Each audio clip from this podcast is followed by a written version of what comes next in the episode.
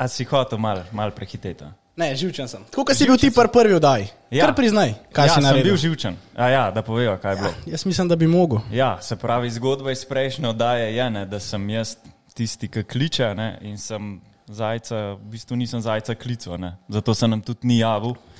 Tako da jaz se mu opravičujem, no, ker je so rekli, fakt, zakaj se zdaj on noče. Ja, pa je, da ga je cela vas, ga je že klicala njega, Ja. ja. pa ženo njegovo. Aleš, jav se kličejo te, Ja. ja. rabijo te v oddaji, ne? On pa nobenega klica, ne, ja. Ja. kar je logično. Ne, tako da, ampak sem jaz pol opazil, pa sem rešil, sem ga klical. Tako da smo zrihtali. Smo zrihtali, vse to. Tako da, a začneva kar. Daj Zda- še povedati, da, da so zelo vesele, da je to druga oddaja že. Ja. ja Hitro gre. smo že live, pa zadnjič letos. Jop, to je zadnja, zadnja letos, tako da prelomna v bistvu. Ja, tako je. Predpraznično. Tako. Ja, zdaj pa v bistvu lahko kar malo z novicami začneva, preden bo poklicala še našega gosta, ne? Tako. današnjega. Pa začniva kar z enduro. A boš kar ti enduro sceno. A če me spomniš? povzel, ja, ker si bolj v teh vodah. Okay, se pravi, Marčič je že napakiral svoj motor in ga oddal na ladjo za Dakar 2021, kjer bo kot edini slovenec zastopal naše barve na tej tekmi. Ja. No, je pa. In v bistvu že komi čakamo, no, da ga bomo videli, da ga bomo spet spremljali, da bomo navijali za njega. Tako? Pa jaz upam, da ga pol tudi dobimo v naše goste, ne, da bo nam tudi ono kakšno zgodbico povedal. Točno to. Iz ne Dakara jih po še moje slišali. ne bo manjkalo. Ne, ne, ne, ne bi smeli. Ja.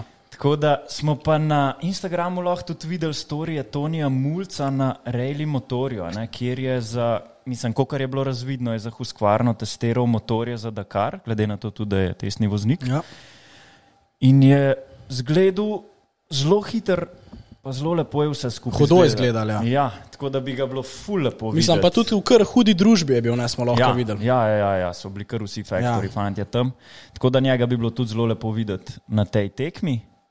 No, pa gremo malo naprej z novicami. Se pravi, ta vikend sva se pa iz Špindlerjem skupaj vozila in v bistvu sem jaz dobil občutek, da se mu že kar lepo približuje. Da ga loviš, ja. a? A ga boli, a ga žre? Ja, ja, ja, ga, Ga, je, ne? ga je žgačkal na polno. Ja, ja, ja. Ampak jaz se nisem dal, ne, smo ga kar. Tako da ja, uh, naslednja novica je Miloš Novakovič. King of Balkan. King of Balkan Yep. si je po navodilih trenerja vzel kar tri tedensko pauzo, pazi, tri tedensko pauzo od motorja. Ampak oprosti, ker te prekinjam, ampak mislim, da ni pa to pauza od treningov. Ne, ne, ne, ne, ne, ne. Suhi treningi so na še polno. vse na polno Na polno. laufali. Eh, Na veslaču pravijo, da je toliko kilometrov naredil, da bi marš kak- kakšno slovensko reko Ja, to je. prepotoval. Ja. Tako da ja, Kevin Brginc je dubo nov motor in to mu je dal še dodatno motivacijo, ker lahko vidimo, da je skoraj vsak dan na njem. Ne? In legenda pravi, da še kakšen teden pa bo že treba menjati butane, da bo že to kurane. Uh, je pa res, da je nas presenetil malo tale sneg zdaj, ne? Ja. No, Tjašo Fifer pa niti sneg ni Ne. ustavil in uh, smo lahko videli, da je s svojimi treningi kar pridno nadaljuje in da bo v Ne da se motiti, Ne, ja. ne, ne, ne. V sezoni 2021 bo spet kar veliko fantov moralo najti izgovor, Da jih je prehitela, Jih je ja. prehitela Ja. spet. Res je, točno to. Ja, jaz mislim, da je Enduro so zdaj pokrili. Sva? Ja. Ok, pa, pa kar se dotakneva še malo motokrosa. To je pa ti. Um, ja, v bistvu pri nas je pa tako, no, da bolj kaj ne vse skupaj stoji. Uh, Ja. V Sloveniji se je trenutno bolj težko pelati zaradi, pač zaradi mraza in od vsega skupaj. Zdaj priprave v tujini, ki bi bile v teh cajtih ful aktualne, vemo, kakšne situacije in so pač dokaj onemogočene. Uh, pri nas so fanti trenirali, ne par jim so policaji napisali kazen, ja, pa smo to nehali zivati. Ja, ene par zgodb je bilo. Bo, Ja. Jernaj pol. Ja, bo povedal. mogoče on še lahko kakšno dodal. Uh, drugač pa ja, odličen čas za suhe treninge, uh, kondicija se dela trenutno na polno. Lahko vidimo v bistvu na Instagramu, spremljamo Jana uh, Pancarja in pa Jakata Peklaja, ja, ja. ki na novo v bistvu trenirata uh, z novim trenerjem kondicijskim in to je pa živalsko, kot je videti. Ja, Ja, res ja. sta pridna in po mojem lahko veliko si obetamo od njih uh, dveh v naslednji sezoni. No? Jaz mislim, da Zdaj- bo nekaj pokazala. Ja. Tukaj lahko menimo še, da je Jan podaljšal pogodbo uh, z italijansko ekipo, za katero je vozil že letos, to je KTM Race Tour. Um, smo pa ta vikend bili priča, spet na Instagramu so bili storiji, so bile slike, da se je ekipa 62 Motorsport, torej uh, pod, ekipa pod okriljem Klemna Gerčarja, so bili v treningu v Italiji. Um, in ena zanimiva slika je bila na storju. Torej, poleg Peklaja in pa Gerčerja je bil na sliki tudi Tilan Demšič. Aha. Ja, Uh, na a ni bil on, pa, ni to od Kragla? Ja, Prkraglo je vozil, torej Yamaha je vozil lanski sezoni za, um, torej za Akademijo Sašo Kragel, letos ja, evo, pa očitno spremembe na Huskvarni in pri Gerčerju. Tako da bomo videli. Drugač pa ena full velika zanimivost. Peklaj naj šel na 125 in ne doseže do tav in ima Ja. tudi kar, kar probleme To z, pač, slišal, ja. z užiganjem motorja. Ja, ne. tako da so mu tudi ugradili ja. štarter. Frajer ima štarter. Frajer ima štarter. Zakva na pa ne? 125. Vse to. Ja, vse prav. Itak. V glavnem, drugač pa ja, kar veliko me- menjav uh, motorjev uh, smo lahko priča v teh časih. Uh, naprimer, Robek, Matejš Robek je šel na Huskvarno, isto Denis Jakša, Hauptmann na KTM, Popovič, Gas, Gas in vsi ti omenjeni fantje se bo naslednje leto borili v 250 razredu. Jaz mislim, da bo kar krvavo v naši klasi. Ja, proti komu se bojo pa borili? Jaz mislim, da je še en zamenil znamko. Ne? Ja, to je res. To je res. Ja. Da, ne, huda klasa ja, bo po moje. Lašan Tudi zamenil. Tako da zdaj bo pa, ja, bomo videli, no, če ti bo kdo snil korono. a ne. Glede na to, koliko si naresen, jaz mislim, da Ja, pa ne. ja, Sej, se treniraš. ja, ja. Sam ne objavljaš to. ja, ne objavljam. Moraš biti malo bolj priden, to res ni nič. Ja. Ne, ne, ne objavljam to, da pol ne v takih oddajah pol ne govorijo o meni več. Aha, Sam aha. potih treniram. Ja, ja, Ja. ja. Itek, ja. Drugač pa um, kandidat za naslov v letošnji sezoni, Luka Milec, um, se je v bistvu pred sezono potem poškodoval. Uh, mi ni nastopil na niti eni dirki in še kar ima težave s poškodbami oziroma s saniranjem te poškodbe, s poškodbo roke in v bistvu se mora že dolg, dolg časa vse skupaj vleče. In v bistvu je pod vprašanjem tudi naslednja sezona. No. Jaz upam, da se mu bo ratal pač vse skupaj, da se bo zrihtal in da bo se nam pridružil že na prvi dirki. No. ja. Zdaj, ko Je- sem, kar povej. Tudi v Open klasi smo videli novost in to prav pri državnem prvaku. ne? Res je. Pr, uh, Petru Irtu iz Yamaha je šel na Huskvarno. Ja, tudi on Um, zamenil. tako, tako da pestro bo. Pestro, Pestro bo, ja. se bo ja. treba navaditi. a Ne? Ja, saj to, Ne bo zdaj, mislim, številke ostajajo iste, jaz upam, Motorji da pa vsaj v ne. večini, ja, motori pa ne. Tako da bomo videli. No. Ja. Zdaj greva naprej še malo na trial. Lauro Setnikar, osemletni fant iz Polhoga Graca, ki ogromno obeta. Ja. Ja, on tudi trenira na polno, tudi nov poligon, ima, kot sem jaz nekaj slišal. Uh, Ja. Tudi ogromen talent. Ne? Ja, pa še legenda prav, da vsak dan pred spanjem gleda Tonija Bova. Spavaš li mirno, Toni? Jaz mislim, da, samo vprašanje časa je, kdaj bo Toni Bow pred spanjem gledal njega. ja, jaz mislim, Sto posto. Ja. Sigurno. Tako da, kar se tiče Speedwaya, letos je bila le ena dirka za državno prvenstvo in prav ta dirka je torej odločila državne prvake. To sta postala pri mladincih Anžej Grmek in pa Matic Ivačič. Ja, je pa ogromen potencial trenutno v Speedwayu, pa Nik Škorja, Ja. uh, ki je že imel podpisano pogodbo tudi z angliško ekipo, um, ampak zaradi te korone pač se Vse je to vse skupaj podarilo, ja. ampak mislim, da to za drug let ostaje, tako da bo on nadaljeval, mislim, nadaljeval, bo šel za to ekipo zdaj. Sigurno. Ja. Ja, zdaj pa, a smo mi dva novice obdelala? Jaz Mislim, da sva. Ja. Ja. Ja. ja. Po pa jaz, a ja, ne, nekaj sva pozabila. Fuck. Po Sloveniji se širi še ena legenda. Res, Ja. daj povej. In to je, da je ta vikend še en, ki ga še nismo omenili, Ja. ful, ful močno treniral. Baj da še nikoli v življenju ni tako treniral. Aha. To je pa Jrnej Irt, Ja. ki se je pripravljal na današnjo oddajo. Uh, Ja. ja, ja. In Jrnej že čaka, evo, Ja. tako da Tako da, dajmo kar napovedati srednjega izmed bratov Irt Jrneja. Tako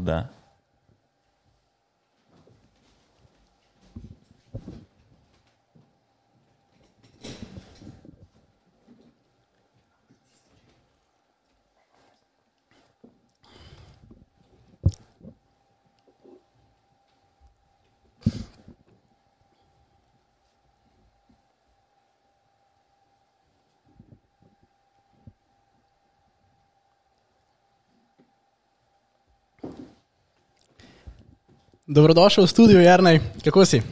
Živijo, dobro, hvala najprej za povabilo obema. no. Ja, hvala, hvala tudi tebi, da si prišel. Ja, mi dva že komi čakamo, Ja. da se tole začne.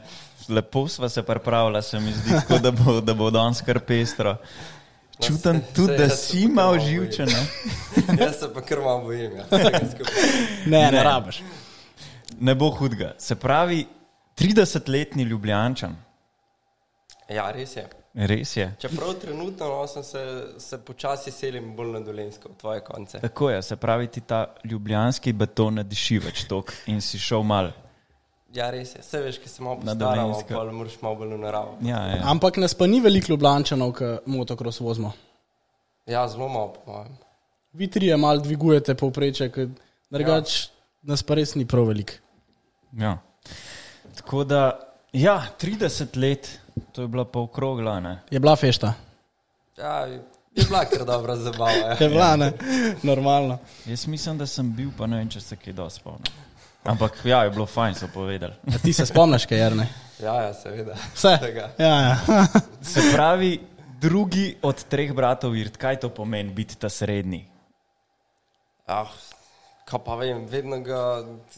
Vedno te vse nasirjata. No. Ja, ja. Ta Ta, ta je najslabša, ne? jaz sem tudi ja. Ta drugi. Ta malo je najbolj strklan, ta velik je tako, ima vedno vse prav, ne. Um, ti si pa pol neko mes. Ja. Sam se moraš znajdeti, pa je. ne. ja.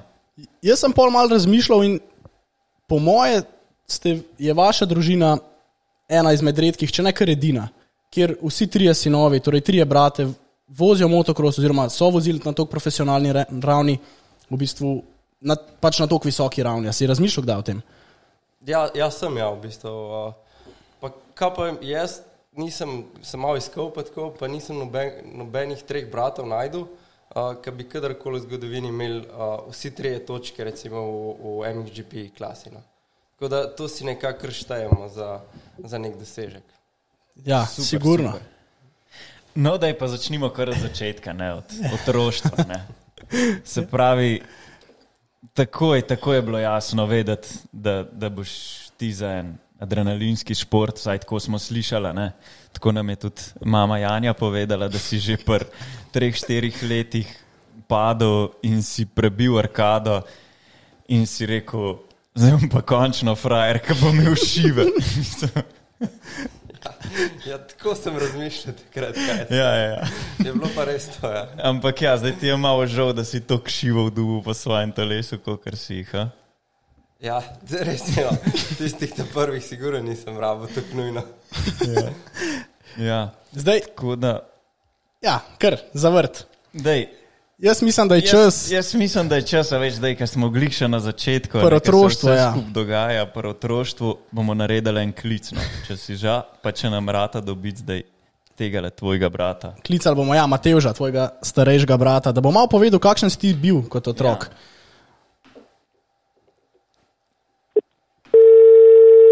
A je, a je v Sloveniji? A prav kličeš? V Italiji. ja, prav kličem. Mislim, saj piše Matevši. Dobro.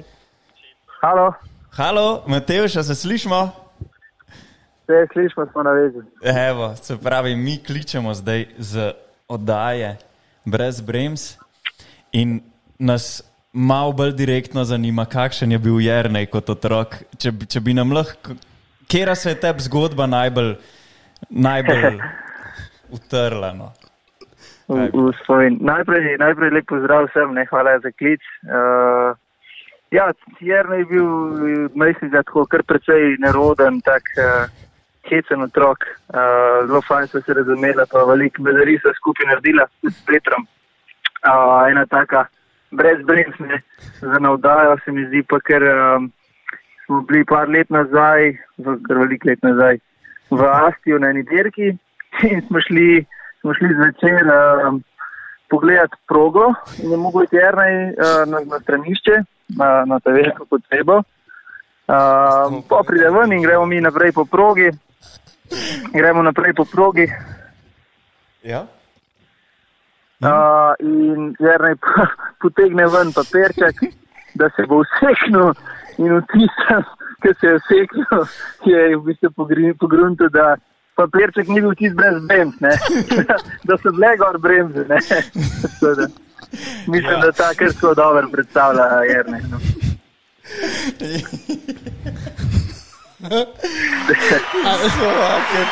Jernega ti je Publika zadnji se je Že norijo. Ampak ja, Ne, jaz imam eno vprašanje za Rneja. Ja. A ti je že žal, da si prišel? Ja, lahko zaključimo. dosti. aj, aj je dosta. Ej, Matevš, najlepša hvala, da si se nam javil, ne, skoro smo slišali, si v Italiji. Ne. Tako Ja, v Italiji še da- Živi še naprej, pa pozdrav Francesco. Hvala, hvala za klic, pa lepo zdrav sem poslušalcem, Ja. pa vama dvema.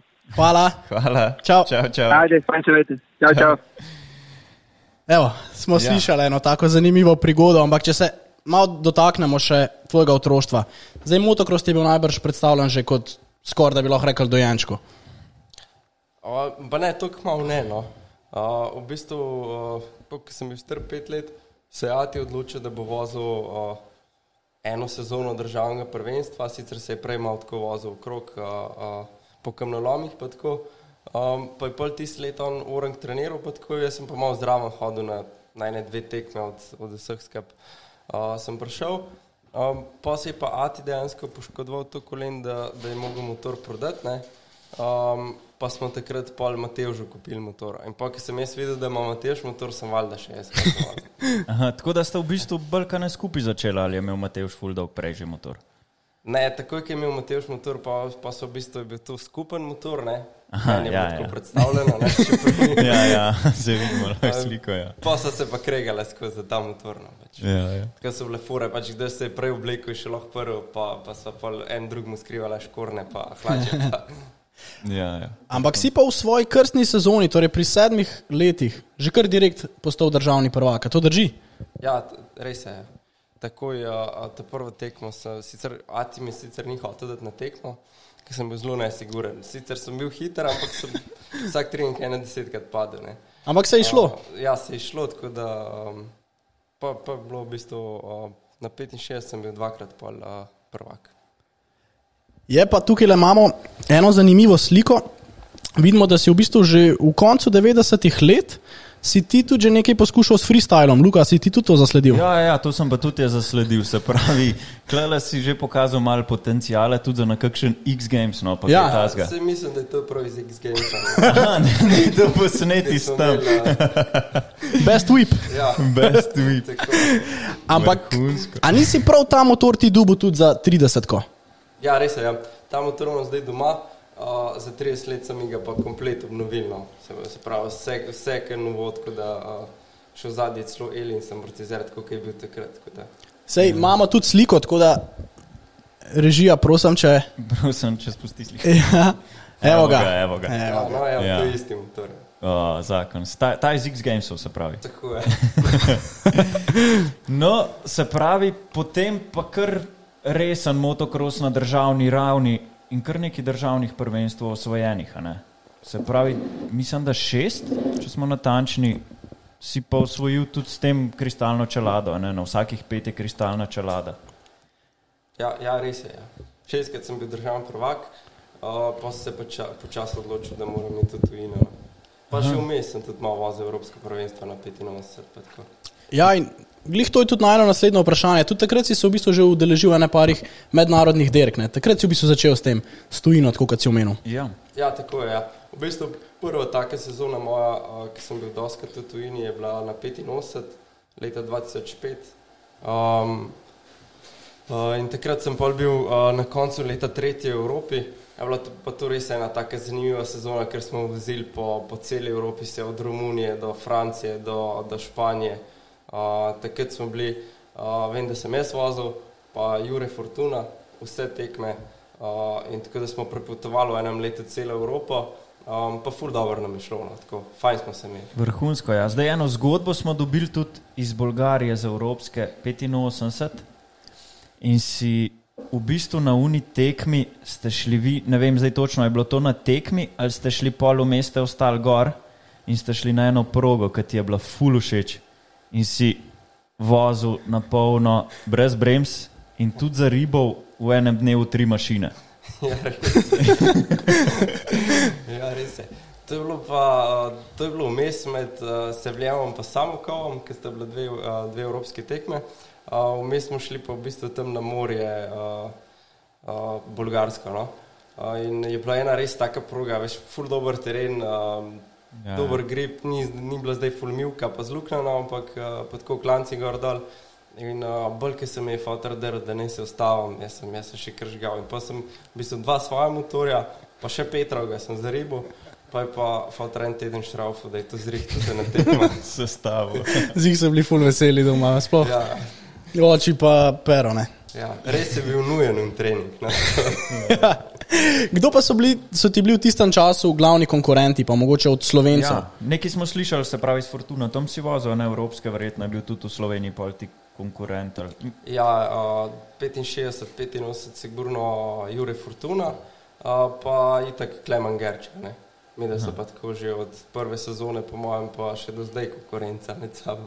Kaj pa brat Matevš? A Matej še pa recimo pa v MX2 bil. Aha, No, ampak slišali smo pa, da je bilo rivalstvo kar močno med tabo pa med Matevžem.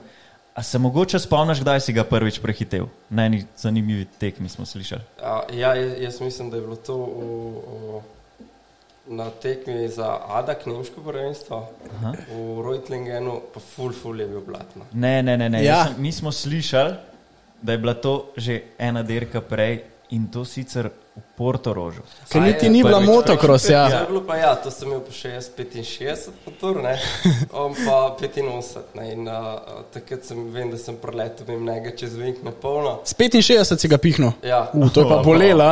pol čez tri vinke me je pa tako snel. ne. Ampak, ampak si Ampak pa prehitel ga, vrata. Zdaj, ko smo govorili s tvojo mami, Janjo, je omenila tudi uh, eno tako zanimivo prigodo, ko ste, ko ste šli na eno dirko in si ti jih naredil izpit za avto. Prva pot, ki si ti pel, Ja, da jih povej na malo. rekel, Zdaj bom pa jaz pelil, zdaj grem Zdaj bom pa pokazal, kaj znam. na MX of Nations, evropski ste Ja. šli, mislim, da. In si rekel, zdaj bom pa jaz pelil. Ja. Andrej, oče Andrej, vse se zadnji, mama zadnji, počivita, jaz bom pelil, imam izpit. In Da je povej nam, Ja, točen, točen tako je bilo in jaz sem pol pelil, ampak točen sam do zadnje pumpe a, pred mejo iz Bregana. Ne, a, sem preletel in na avtošoli to učijo, pač na avtocesti 130, pa greš pa na zevralen pas, pa začneš brenzati. Ampak kemper zdaj, ki ima čez tri pa pol tone, ne, malo težko ostavaš v tistem zaviralnem pasu. In, a, Mi smo čez unovink tako preleteli, da sem skoraj kemperje pre, prevrnil. Ne. Uh, Poj pa pač ati sam rekel, da ne grem jaz nazaj. mojem, Od takrat naprej mi je ene dve leti ni dal zapeljati avto Aha, svojega. mislim, res, res ne razumem, zakaj. jaz tudi ne vem, zakaj ne.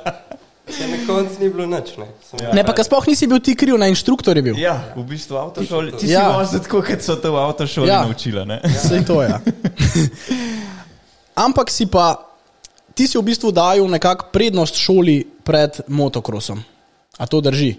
ja, res je. Ja, do, do v bistvu konc gimnazije, pa da sem maturo naredil, Ja, a, to je- sem vedno bil zgleden učenec. No. Ja, to je bilo v bistvu do leta 2009, a ne? Ja. se pravi, dokler nisi mature odpisal, ampak pač jaz sem doskrat slišal že to zgodbo, da v bistvu te ni bilo neki za udelavanci biti, pa šraufat, pa to, a ne, da si ti v bistvu doskrat rajš ostal za knjigam.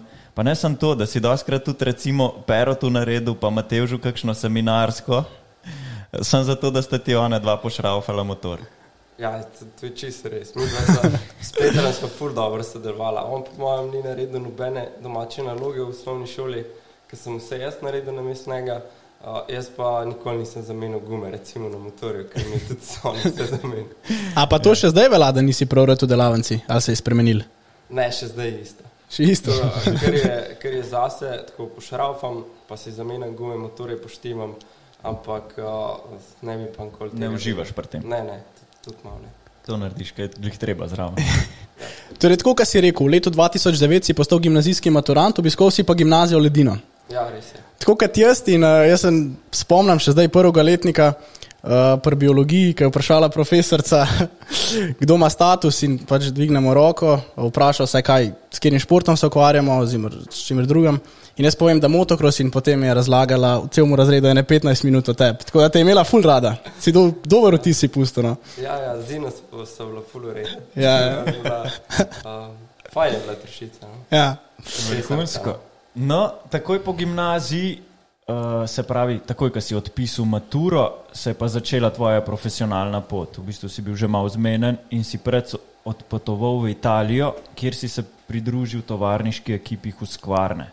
Sem, sem to ni čist tista Huskvarna, ki zdaj Ne, t- to ni bila čista tovarniška prva leta, je bilo to Cross 2R Huskvarna, se pravi satelitski tim uh, tovarniške Huskvarne.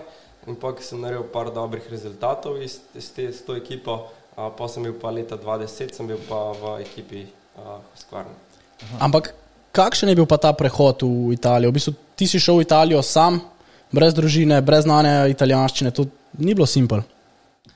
Uh, sploh ni bilo lahko, ampak um, nekako sem si tako želel, to, da, da, da mi ni bilo nič težko. No. Danes, po mojem, ne bi šel več tako za dve leti, ker v Italijo, pa, pa da nobenega ne bi tam poznal, pa tako uh, se mi ne bi več dal. No. Uh, takrat sem pa tako užival v tem, da, uh, da nisem niti enkoli pomislil, da mi je težko. No. Kaj pa italijanski jezik ti je predstavljal kaj težav? Ali, mislim, zdaj vem, da govoriš tako, če italijansko, brez problemov, tako kot vsi v bistvu, najbrž cela familija skoraj. Ampak takrat ti je, je bilo to kaj težko? Ali? Ja, ja, od začetka je bilo sigurno težko. Sicer sem imel na gimnaziji štiri leta italijanščino, ampak ne toliko, da bi lahko se sporazumel tam. No. Uh, ampak sem imel mehanika tam, pa šefa, ki nista, nista odstopila od tega, da bi se mi angliško pogovarjali. Um, in smo sta mi sila to italijanščino, ampak danes sem fulh hvaležen, no, da sem se takrat pol v slabe pol leta naučil to govoriti, da se vse zmenjam. Vrhunsko, vrhunsko. No, takrat si, se pravi, v tej ekipi, teh Nobel, kako si rekel. Uh, Cross 2R. Cross 2R. Aha, okay, si pa nastopil v kategoriji E EMX2, ne? Ja. Pa si bil že kar uspešen, no, na koncu pa celo izbran za MX of Nations ekipo, kjer ste pa zasedeli 28. Me, me, mesto.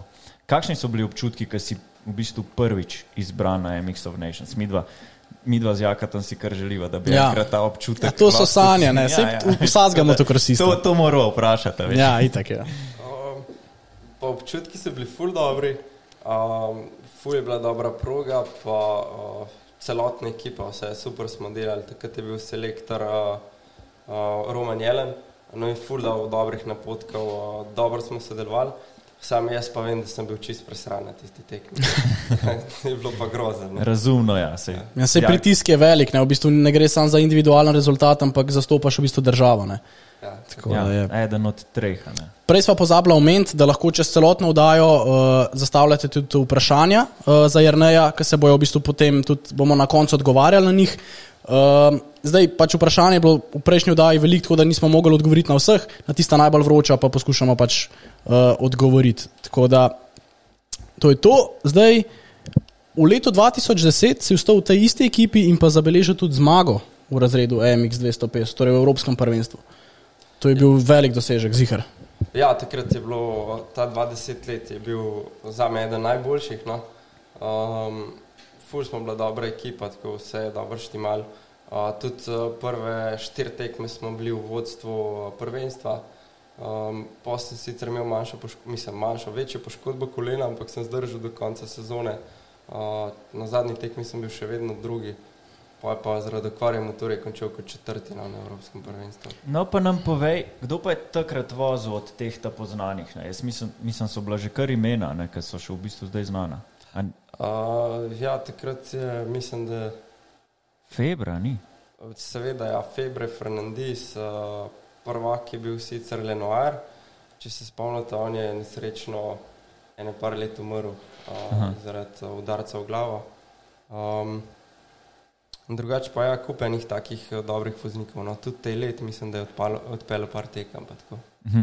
Zdaj me pa zanima, se pravi, na zadnja evropska in kako je šlo po gobe 10 tisoč evrov. Daj To se malo spomniš. 15 tisoč evrov. A 15 še 15 tisoč evrov. me ne bi spomnila. No. Si jih že pozabil, ne? zdaj pa spet. Evo. Um, ja, um, takrat je pač v prvi vožnji po štartu sem še full dober, prišel v vodstvo. Mogel sem v bistvu samo odpeljati dve solidni vožnji, da bi končal kot drugi, s tem dobil nagrado od pogodbe a, s Huskvarno 15 tisoč evrov, a, ker je bilo takrat za me full, ne, pač jaz bi si s tem lahko pokril ogromno stroškov a, za naslednjo sezono, za priprave pa vse skupaj. Um, no, v glavnem, uh, po enem skoku samo motor naredi bop. In uh, tudi pogledal nisem motorja, sem vrgel sem ga tja stran in sem šel v kemper. In uh, pa so pa mi mehanik povedal, da je fully nekšen stra, stran padel od glave. Shit. To sploh ni bila tvoja napaka. ne? Ja. Ne, ne, ne, sploh. Pa s tem, da smo imeli že prej uh, tri, tri tekme, ker smo imeli tudi težave z motorjem. Pa če ne bi bilo tistega, bi mogoče se še za prvaka borili. No. Aha. Ampak si pa v bistvu v tej sezoni tudi enkrat zmagal, če se prav spomnim. Uh, ja, mislim, da sem bil dvakrat, uh, enkrat drugi, enkrat tretji, pa enkrat sem zmagal. Aha, vrhunsko, se to je pa, to je pa kar vrhunsko. No. Že nekaj časa nismo takih rezultatov dobili v Evropskem prvenstvu MX2. Uh, si pa šel zadnjo dirko odpeljati tudi MX2, a ne? Torej svetovno. svetovno. Svetovno, jaz sem to bilo pa pol en let uh, kasneje na Suzuki. Aha, ja, ja, Ampak se ni prav dobro, mislim, začel se je full dobro. Če se Ja. je full dobro, ja, trening pa kvalifikacije sem super odpeljal. Mislim, da, so, da sem bil zelo tako, ne vem, manj kot dve sekunde za Rocenom, pa Herling sem takrat. Um, pa sem je pa pisto po prvem krogu, po štartu dol so po klancu padali v Galdorfu. In sem jaz to enega zadev, pa šel na glavo, čez pa si ramo spahnil. Oh, klej Torej, se- ja, mislim, zanimivo je, da ste bili takrat v tistih časih, da si bil tako zraven, naprimer enemu Roksnu, ki je zdaj v Ameriki in je pač res eden izmed najboljših voznikov. Ne. Takrat ste, si se pa pač ti poril z njim, oziroma mu bil eden izmed hujših konkurentov. Ne. Kako je to? Mislim, Uh, ja, mislim, težko je danes pogledati. No? Ja. Kaj vidiš une, na Factory, KTM, jih pa vodi Supercross, pa pol eni zmagujejo tukaj uh, MXGP. ja. Um, te pa ni rata, ne. ampak tak je šport, pač, uh, enim rata, enim ne. Včasih smo bili pa full blizu. Ja. Ja, ampak mogoče pa njim ne bo rad ali prideti v oddajo brez bremza. ne. Pa dvom, da jim bo rata. Ja, zato je. Lahko jim danes napišeš, da Ja, ja. No, si pa, da nam poveš malo o evropski tekmi v Lomlu in kako se ti je Milka zagražala. A ja, nimaš rad mjuke? ne. Ne, in še danes pa moram videti Milke. S- To sam zaradi te tekme res. Uh, je bilo pa tako, da sem kar dobro poštartil, tako ene osmi.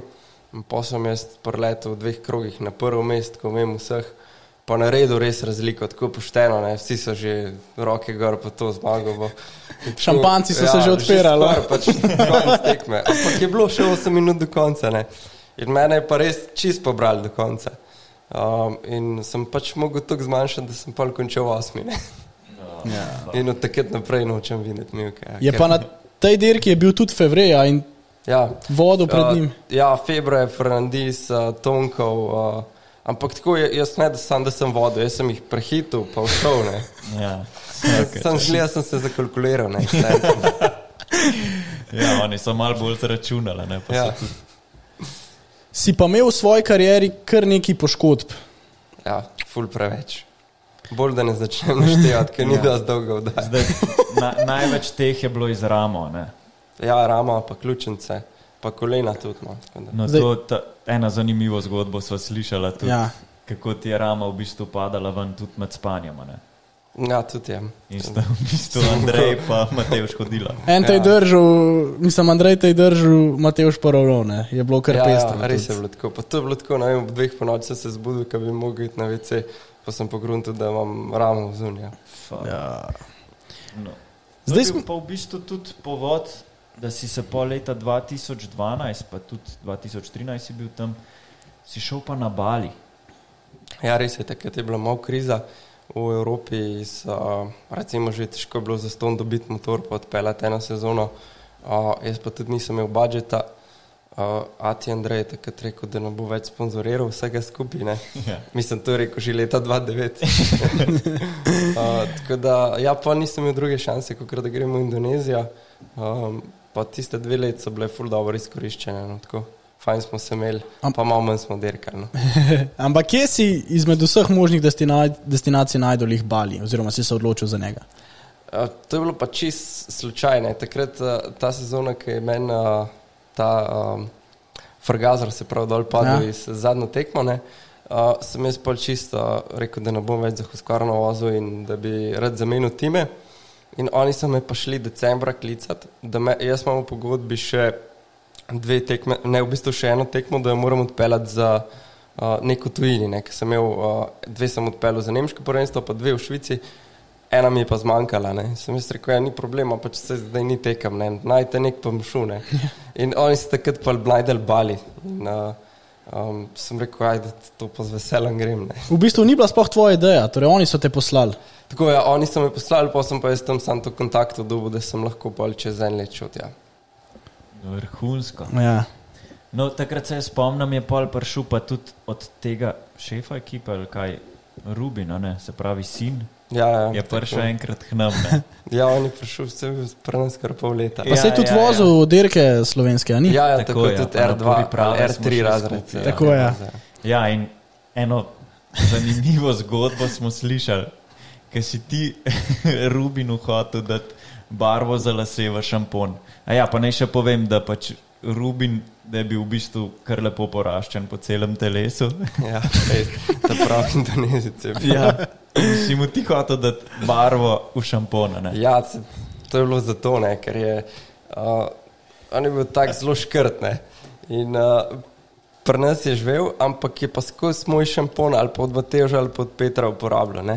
In potem sem mu, ko sem ga vozil v trgovino, sem rekel, na pa kupi si šampon, pa deodorant. to. Ne, ne, se to ne rabim, je rekel vedno. Ne. Um, pa sem pa rekel, da enkrat mu bom po moj šampon naštel barvo, ampak še danes mi je žal, da mu nisem. No. Ja, kot res vem, je to Janja tudi preprečila. No, je Ja, verjeten. Mogoče pa ni najboljš. Kad... Ja, kot sem se jaz spomnim, je šel on takrat tudi nekaj se je dobil z očijem. Ja, kak. možno. Pa, pa je rekla Janja, da mislim vsaj kakšen teden počakajte, počakajte pa se je to pozabil pol. Ja, Škoda. škoda je. Ampak, dej povej nam malo več o, o življenju na Balju, kako to zgleda. Najbrž se to ne more primerjati z eno Slovenijo. Ne, sploh se ne more. Tam so tako vsi dosti bolj na izi in od začetka ti je to full fine, uh, pol na koncu ti gre pa že full neživce. Ne? Ja. Uh, ker ne vem, se zmeniš z mehanikom, da ti propele motor, pa da greš na trening, pa ga ti tam dve ure čakaš, lepo pod palmo. Ne? Uh, in on prije na trening in prav, a, da, je bil, uh, da je bila gužva na cesti. Ne? Pa itak je vsak dan gužva na cesti. Ne? In tako pa ti pol leta dela tako in pa ga imaš pa reži dastno. Ampak mi, da smo se enkrat pogovarjali nekaj let nazaj, že glih o tem Balju in si mi omenil eno ful zanimivo zgodbo o enem bungee jumpingu. se to spomniš? Ja, se je. ja dej povej. no. Kaj je bilo? Dej povej. Uh, pa dobro, ker smo veliko butastih stvari naredili na Balju, sem šel tudi tam bungee jumping skočiti. Sem najhuj pa bilo to, da sem jaz pol po tistem, tam sem šel, ful me je bilo strah. Uh, po tistem sem šel domov, um, pa sem prišel vem, čez dva meseca in unga bungee ni bilo več. Pač zaprto in ko sem vprašal, zakaj, zato ker se je ne vem, pred enim mesecem eno bol, ker sem mu predolg štrik pustil. Ja, pa niso bile neke divje fore, da če si malo več plačal, si se kar skuterjem dol odpeljal iz rampe. To, to je bilo pa tudi, ja, to si pa po, po, po paketih kupoval. Lahko si sam skočil, pa lahko si skočil na glavo, lahko si skočil na zapas prevezan. ne. Um, pa je bila varianta, da si šel z BMX kolesom, pa je bila s skuterjem. Pač ta zadnja, najbolj varianta je bila pa, ampak to je bilo že kar da znarja, to je bilo tako ene 300 evrov, ne, to, nisem, to si nisem pravoščil. Um, tam sem si pa šel v tako obleko, so te napravili, pa na skuterju, pa še zakurali so te, pa dol si skočil. Ne. Joj. Ja, nam je pa tudi brat Matej še bil takrat že en let prej, ali kak, mal prej je bil pred tabo že gor. Uh -huh. In nam je povedal zanimivo zgodbo, ko si ti prišel gor in v bistvu ta prvič, ko sta šla vidva na trening, si ti padel in se udaril v glavo in se nisi spomnil nič, na kako ti je ime, na nič. In Matej še sem razmišljal, fakt, te bolence tukaj, jaz ne vem, če bi rad svojega brata sam pel. Ni vedel, kaj narediti. Ja. Ja, res je. Takrat je prišla, prišel mi je kamen med bremzo pa med mašino, direkt pred skokom. in Sem šel sam na glavo, direkt. Uh, Uh, ampak sem se pa nekako spomnil vsega. No. Vem pa, da full cajt nisem dobro videl in zato sem hotel iti v bolnico. Oh. Pa si najbrž ne bi želel biti tam v bolnici. Ja? Ne, ne, ne bi bilo. Sam je bilo pa tudi grozen, ker mi je Mateuš.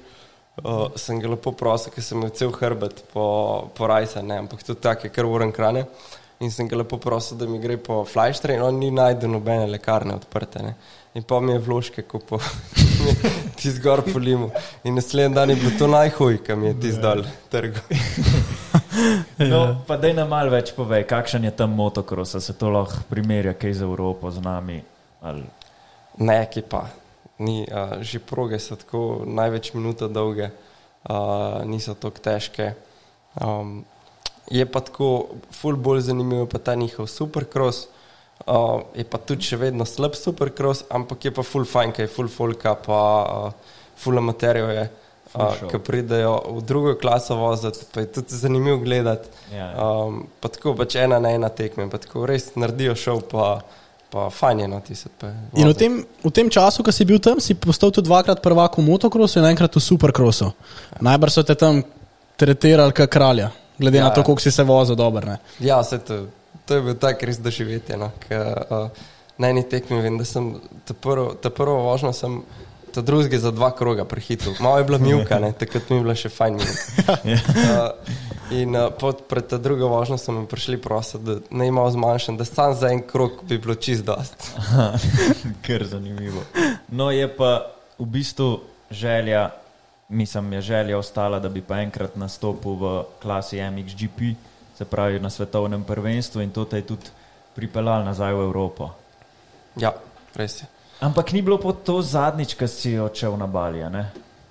Ne, pa sem šel še parkrat na futbolni dopust. Ja, ja. Uh, oziroma, uh, celo imel sem uh, uh, treninge dol. No. A res? Tako je. Uh, vrhunsko, vrhunsko. Ja, pa imaš, imaš v planu iti še kdaj? Ja, ja, itak. Pa imaš v planu tudi koga drugega še povabiti? Ja, bom kar rabo ekipo trenerjev. no, ja, ja, tako. no, jaz mislim, Mislim, ker dol je toliko motokresistov, kako mi čakajo. Da. da je publiki všeč, da boš tudi na Nama pa tudi, ne, jaz. torej, ja, ok. Pol leta 2014, kot je Luka že omenil, si se pa vrnil v Evropo. Zdaj, takrat najbrž pogodbe nisi imel. Ne. O, takrat sem pa v bistvu v svoj denar, ki sem ga zaslužil na balju, nazaj investiral v, v motorje, v treninge, vse skupaj. No. Ja, jaz, jaz se spomnim, da si, da si, si kupil takrat KTM, če se prav spomnim. Ja, res je, res. Pa si, 450. ja, ja, pa si takrat tudi s tem motorjem pol v bistvu svojim odpeljal MX of Nations, ne, se pravi drugič si šel že na to dirko. Ja, sam, uh, jaz sem po MX2 vozil MX of Nations. Aha, Tako da sem imel pa že pol sred sezone, so me italijanska ekipa me poklicala in sem odpeljal par tekem za italijansko Aha. prvenstvo. Uh, in pa sem pa še s tem motorjem njihovim vozil pa še MX of Nation. no takrat v mi v Latviji. bistvu mal spomin še peša, kak je bilo s tabo, se pa pol nasled, mislim, Naslednje leto se pa, pa že spomnim. Se pa že spomnim. Ja, in ja, to, se- to kar smo z Lukatom pisala scenarij, on je sam komičako, da so prišla do leta Do- do 2015, 2015, poj pa, poj, poj, poj pa šlo. Ja, ja, se pravi, ob koncu leta ne, smo takrat, se pravi, ob koncu leta 2014, smo takrat jaz, ti pa Peter, podpisali pogodbo za uh, Husqvarno Maure Racing Team. Ja, res je. In, Ka- Kako, mislim, kako je prišlo do tega, da, je, da so za mačarsko ekipo vozili trije slovenci? Uh, pa v bistvu mi trije smo šli takrat na test v Ajko. Ne? Uh, in pa smo bili tako simpatični, mi takrat čabati, da je on, pač mi se za enega odločili, Ja, ja, tudi ja. ja. na streh. Pa se ni mogel. Uh, pa se ni mogel, pa, pa, pa rekel, ima se. ja, ne, evo. Ja, Kjer evo, ne. imulci. Sej v bistvu tako zgleda, jaz pa pero tako zgleda, kot da smo mehanika tvoja. Avko še. Ne, fajn je bilo, fajn. Ja, pa pa v bistvu priprave so potekale kar res, resno, ne? Smo se kar lotili. In, a se spomniš ti proge Morahalo? Ja, jaz se jaz jo kar spomnim, ne morem pozabiti. Jaz se tudi ne bom pozabil nikoli. Ja, to, to, bi, to bi se mogel še kdaj vrniti, pa iti kakšen trening tja narediti, pa malo podoživeti. Lahko bi šli malo ja, do, Ja. do Čabata, ne? to je bil ja. naš šef ekipe. Zdaj, najbolj me pa še zanima to, a, a še zdaj uporabljaš treninge z fitbalom, z lacijem. A, a to tudi zdaj na svojih varovancih uporabljaš? Ali? Ne, ne, ne uporabljam. Dej povejte ampak- malo več, kaj, kaj je bilo to, ta. Pa, s- Fora je bila po mojem to, da mi smo takrat vsi tri re, resno trenirali, pač uh, pozim, crossfit, laufanje, ne vem, tek na smočeh, vse smo delali. Ne? Ampak pa se je odločil šef ekipe, da ne, da mi to premalo in nas je poklical tja, k njemu, naredil v enem tednu fitness, ne, Aha. doma. Ja, nabavil A, se. Pa enega mačara, pač takrat, ne vem, je bil eden boljših mačarov, verjetno poklical, da nas bo pa on treniral. Ne. Ja. In polovica tega treninga je bilo s temi velikimi balonastimi žogami. In pa smo mogli mi gor stati. Mogli smo pa klečati, klečati, pa stati, ja. pa podajati žoge. Pač jaz mislim, to je bilo to, kar mi najbolj mi je bil smešen, pa pero. Ne. Pač- Pero je bil pa upornik. Ne? Mi da smo Ja. se smejali, pa smo delali, smo rekli, Tako. ajde, pač, če, če si je šef to zamislil, ne. pero pa. Tako, ja. in, in vem, da pa je mogel Peter takrat zakazan je po, po dva stola, tako navadna, pač nezložljiva. Pet km delač v drugo bajto, pa jih nazaj prnesti. Te so bile kar hude. Ja, se, jaz nikoli ne bom pozabil uh, v letu 2015, ko sta mi pa s Petrom za rojstni dan naredila torto. To je bilo pa, a se spomniš? Ja, ja. Kuhanci. In to mislim, da je bila trojna čokolada. Ne? Ja, ja, ja Tako. se res. Ja. Triple čokolad, Ja. ja. to bi lahko se še kdaj zmotila. Ja. Ampak kje dirke ste takrat vozili? Uh, Adek, nemško prvenstvo, pa mačarske, pa mislim, da kišno državno. No? Uh, sam jaz sem se zelo malo poškodoval, takrat sem Ja. ja. si kolenske vezi strgal v nogi, kaj nižji. Ja, takrat si pa v bistvu postal tudi najn trenera ne? in skupaj smo šli tudi v Belgijo. A se Ja, spomniš? ja, to je bilo full fajn. ja, ja, ja. Tukaj je meni Luka eno zgodbo povedal.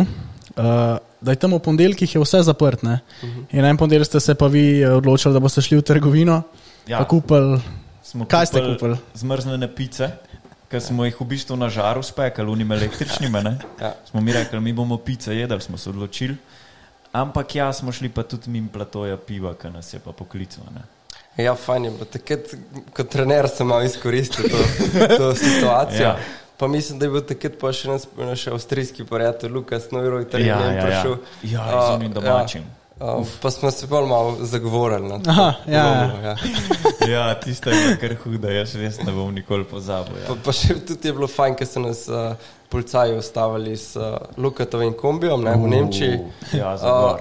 in uh, on je pač uh, ni imel niti prometne sabo, pa v Belgijo smo šli. ja, Luka, ki Luka. Ja, pa pretežki smo bili, koliko, 400 kg. Ja, tudi to je, ja, ja, ja. drugim. Ampak na srečo se nam je takrat ratalo vse zmeti. spet ne smo bili tako simpatična ekipa, ne, da nas je kar spustil naprej.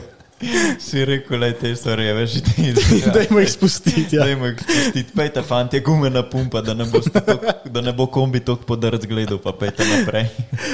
Ampak se je pa konc tega leta ta zgodba končala. V bistvu ste vsi zapustili to ekipo. Kak- Zakaj je prišlo Ja. do tega? O, kaj pa vem, ta uh, naš šef ekipe je bil tako zelo hitre jeze.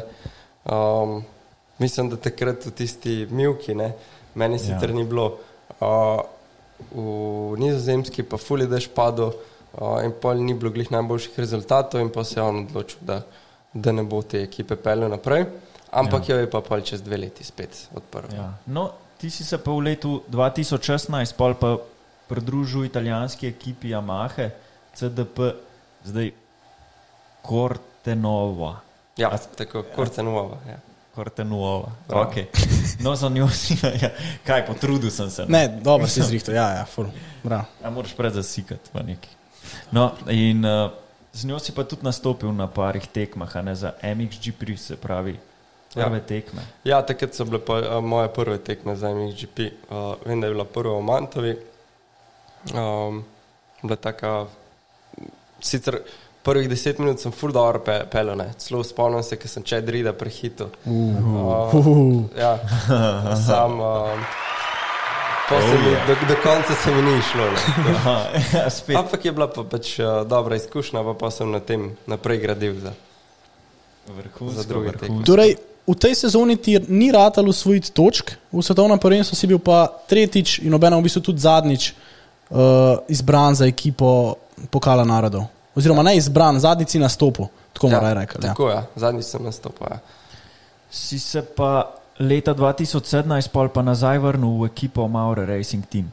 Ja, um, ja takrat sem v bistvu pol, uh, iskal po koncu te sezone, um, ka, kam bi lahko šel naprej, uh, pa sem se spet iz Čabata slišala, pa mi je on ponudil, da bi pa on spet odprl ekipo, ki mu je imel dolg cajt. Um, in so pol, uh, to je bila pa pol, mislim, da naslednja sezona pa moja najboljša. No. A, no, si bil pa takrat tudi timski kolega Brian Suja. Ja, tako je. On je bil, mislim, mladinskega svetovnega prvaka. Ne? Ja, pa ena zelo posebna družina so. Ja. Ja, ja, ja. Oče izdeluje violine, ne? Uh, ja, it, mislim, zdaj pri njih je tako, oni živijo dejansko v kemperju. ne. Aha. Uh, in uh, pol potujejo iz tekme na tekmo, oz- oziroma iz treninga na trening. Uh, tako da v mestnem cajtu, verjetno po zim, pa naredi kakšno violino. No, čeprav ni on tako zdaj profesionalni izdelovalec violin. pa tako. Čakaj, Ampak Kaj gre pa že z njim, tistim državljanstvom? Pa, ne vem, on je nastopil na MX of Nations za Mačarsko, pa enkrat za Nemčijo. Pa, a ni neki ful čuden, da se Ja, to spomniš? tako je pač njegova mama je Tajka, oče je um, Mačar. Ne? Ja. Uh, Brian ima pa uh, mačarsko, pa nemško državljanstvo. Aha, ja, to, to se spomnim, da je vse zmešal. Takrat ste imeli v bistvu tudi intenzivno ste se pripravljali med zimskim obdobjem, torej zdaj počasi prehajamo v ta čas tudi letos. Po zim se skozi hod na sredino. Dej povej nam malo več, ti si večkrat bil tam. Zakaj se motokrosisti odločajo za odhod, v bistvu za več tednov tja, pa tam preživijo priprave? Uh, Ma sigurno zato, ker um, podnebje zelo, zelo fajn v tem cajtu, ne? se pravi, glih te prave temperature, glih prav dežja, pa glih, uh, da ni presuho, ni premokro, pa dosta toplo je. Uh, poleg tega imaš pa zelo majhno območje, pa ful velik dobrih motocross prog. No. In tam so tudi pripravljalne tekme pol, ne, za italijanskega državnega prvenstva. Ja, in v bistvu si se ti kar dobro pripravil, ker si tudi v razredu MXGP, mislim, da kar štirikrat zaporedoma osvojil točke. Ja, tako je. ja. To je bilo uh, sicer konc te sezone, ne? začel sem malo slabš, uh, pa sem pa kar en cajt se, se lovil. Um, sploh zato, ker sem v, v zimskem času, mislim, da si dal operirati uh, ključnico. Um, pol, uh, pol proti koncu je pa vse skupaj stekal, ja, in sem štiri zaporedne tekme uh, dobil točke. Videla sva mal pregledala arhiv in ugotovila, da si ja, v žep takrat pospravil 10 pik. Uh, Kaj si je takrat poklopil, da, da ti je šlo, v bistvu, da si brez težav v bistvu med dobitnike točk prišel na štirih dirkah zapored? Pa jaz mislim, da sem se mogel, da sem jaz uh, full cajt rabo, da sem se navadil na ta MXGP razred, ker je res uh, ogromen dobrih tekmovalcev in sem jih skozi tako malo gledal, da so predobri, da sem jaz preslab, da nimam dosti dobrega materijala. Um, pa sem pa takrat že tako cajt bil z njimi, da sem se malo navadil, malo te začnejo celo unito dobri pozdravljati v boksih, pa tako reče, ja, sej, sej sem že z njimi, ne. Ja. Uh, in uh, pa sem bil malo bolj samozavesten in sem uh, tudi začel bolj tako voziti na treningih. No. Si bil pa pol to leto v bistvu zopet izbran za MX of Nations, se pravi za ekipo, ampak nisi pa mogel iti. Kaj se je takrat Ja. zgodilo?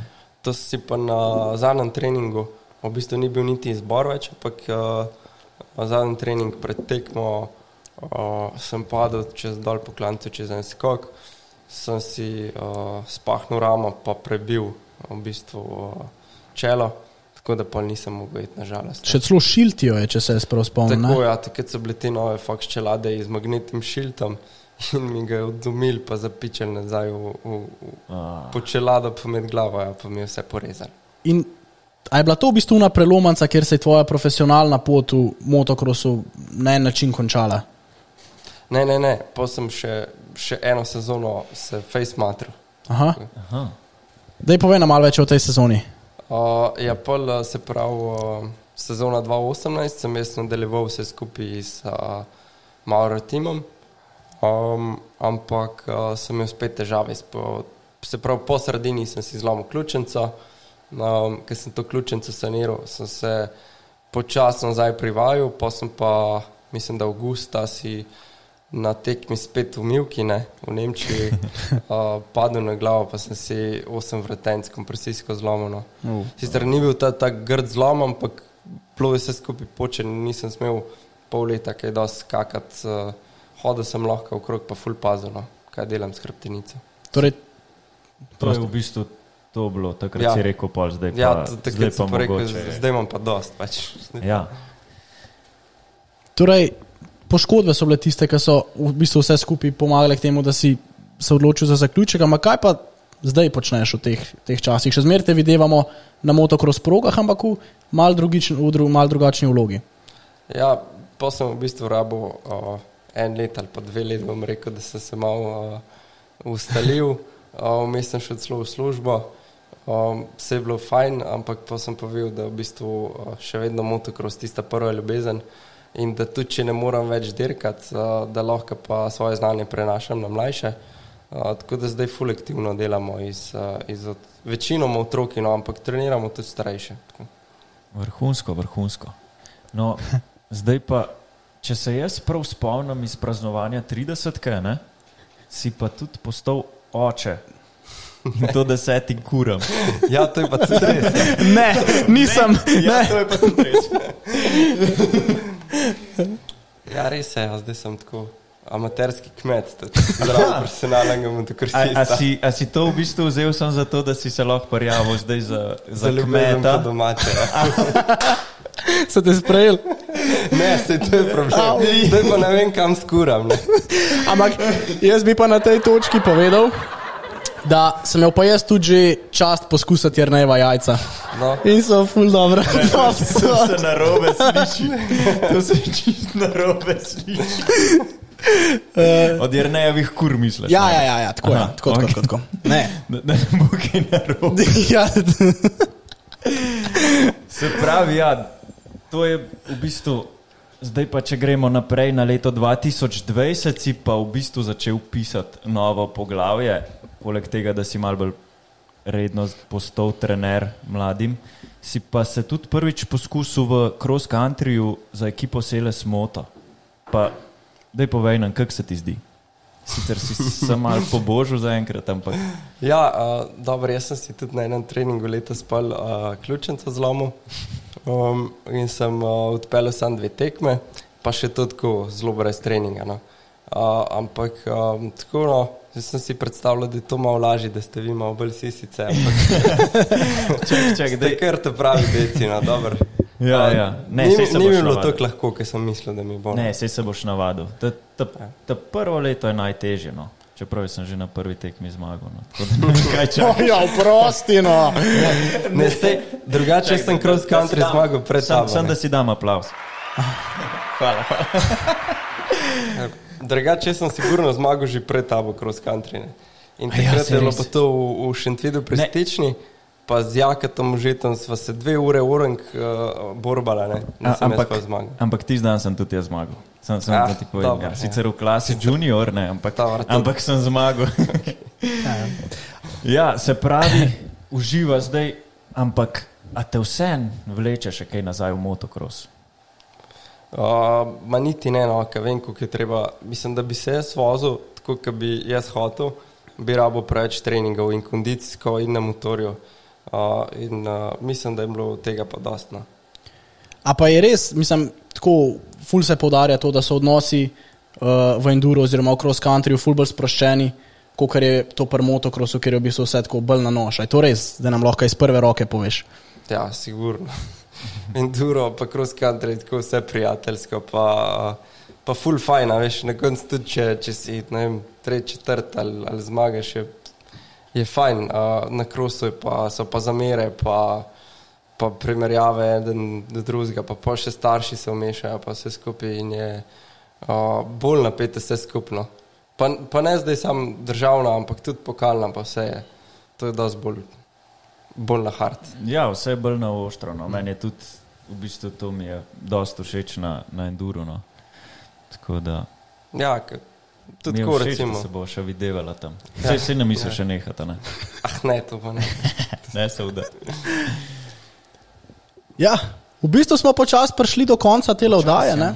Počas. Um, zdaj je bolj kot ne čas še za vprašanja, ki ste jih zastavili tekom oddaje. Tako da režija, kar prosimo, no, če zavrtite ja. Najbolj vroča. Najbolj vroča vprašanja.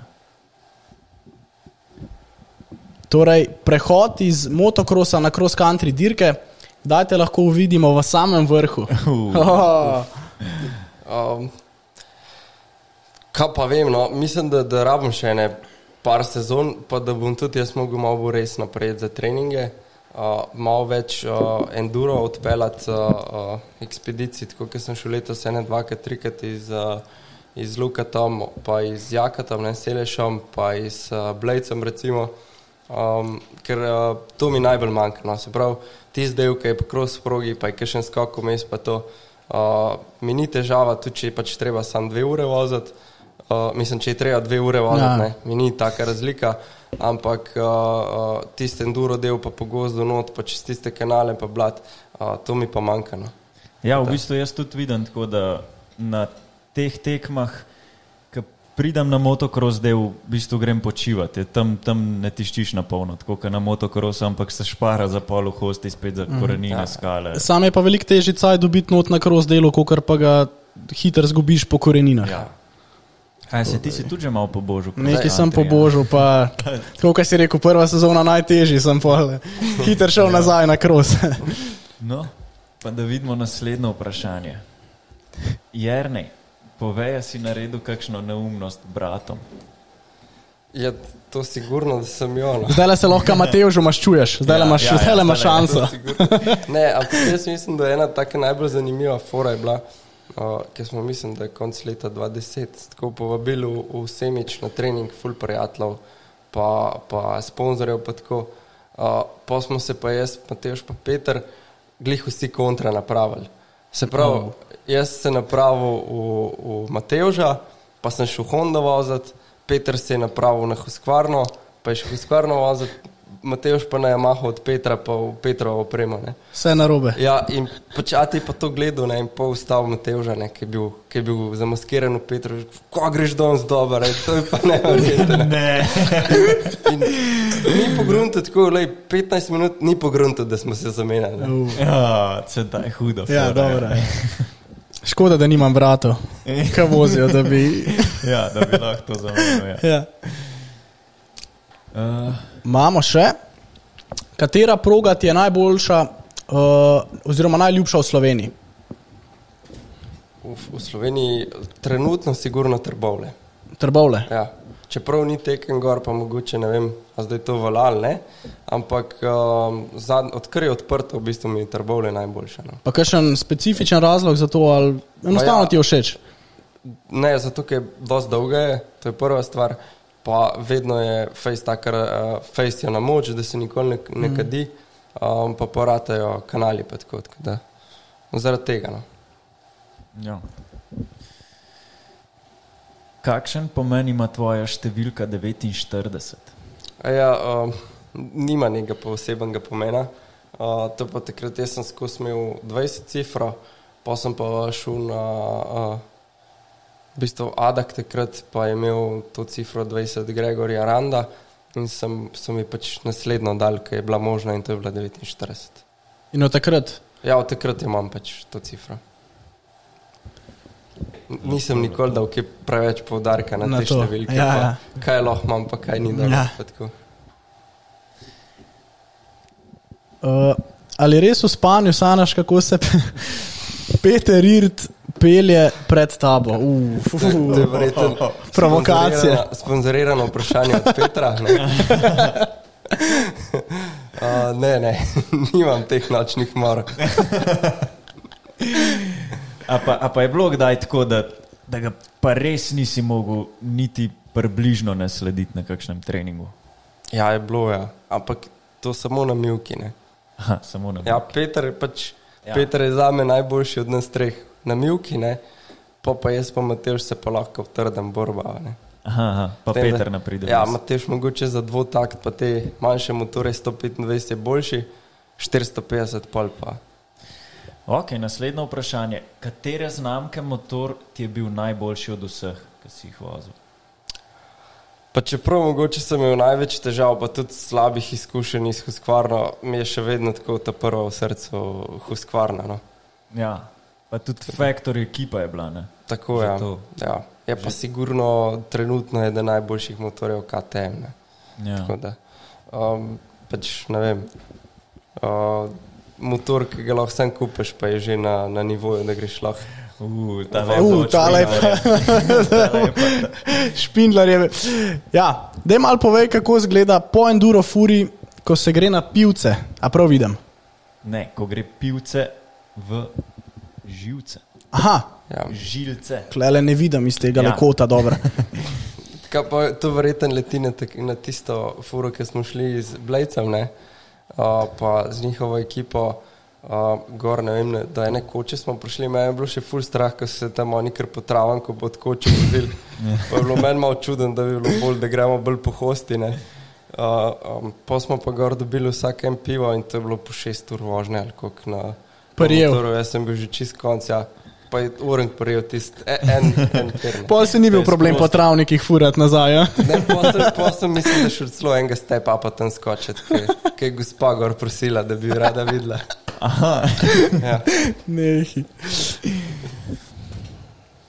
ja, Jrnej, si proval tudi kaj ekstremen dura. Um, zdaj, težko jaz to opredelim, kaj je ekstremen duro, ampak po mojem, da sem ga uh, bolj v, v, na pohorju, Aha. um, pa mi ni šlo. No, tako. Čak pa, nisi tudi po, na Verdu si vozil, vozil ne Ja, za tudi- Ljošo. tudi za Ljošo tam, ja. kar ekstrem. Ja, pa vert je bil takrat, uh, saj ni bilo dežja, bilo Aha. suho.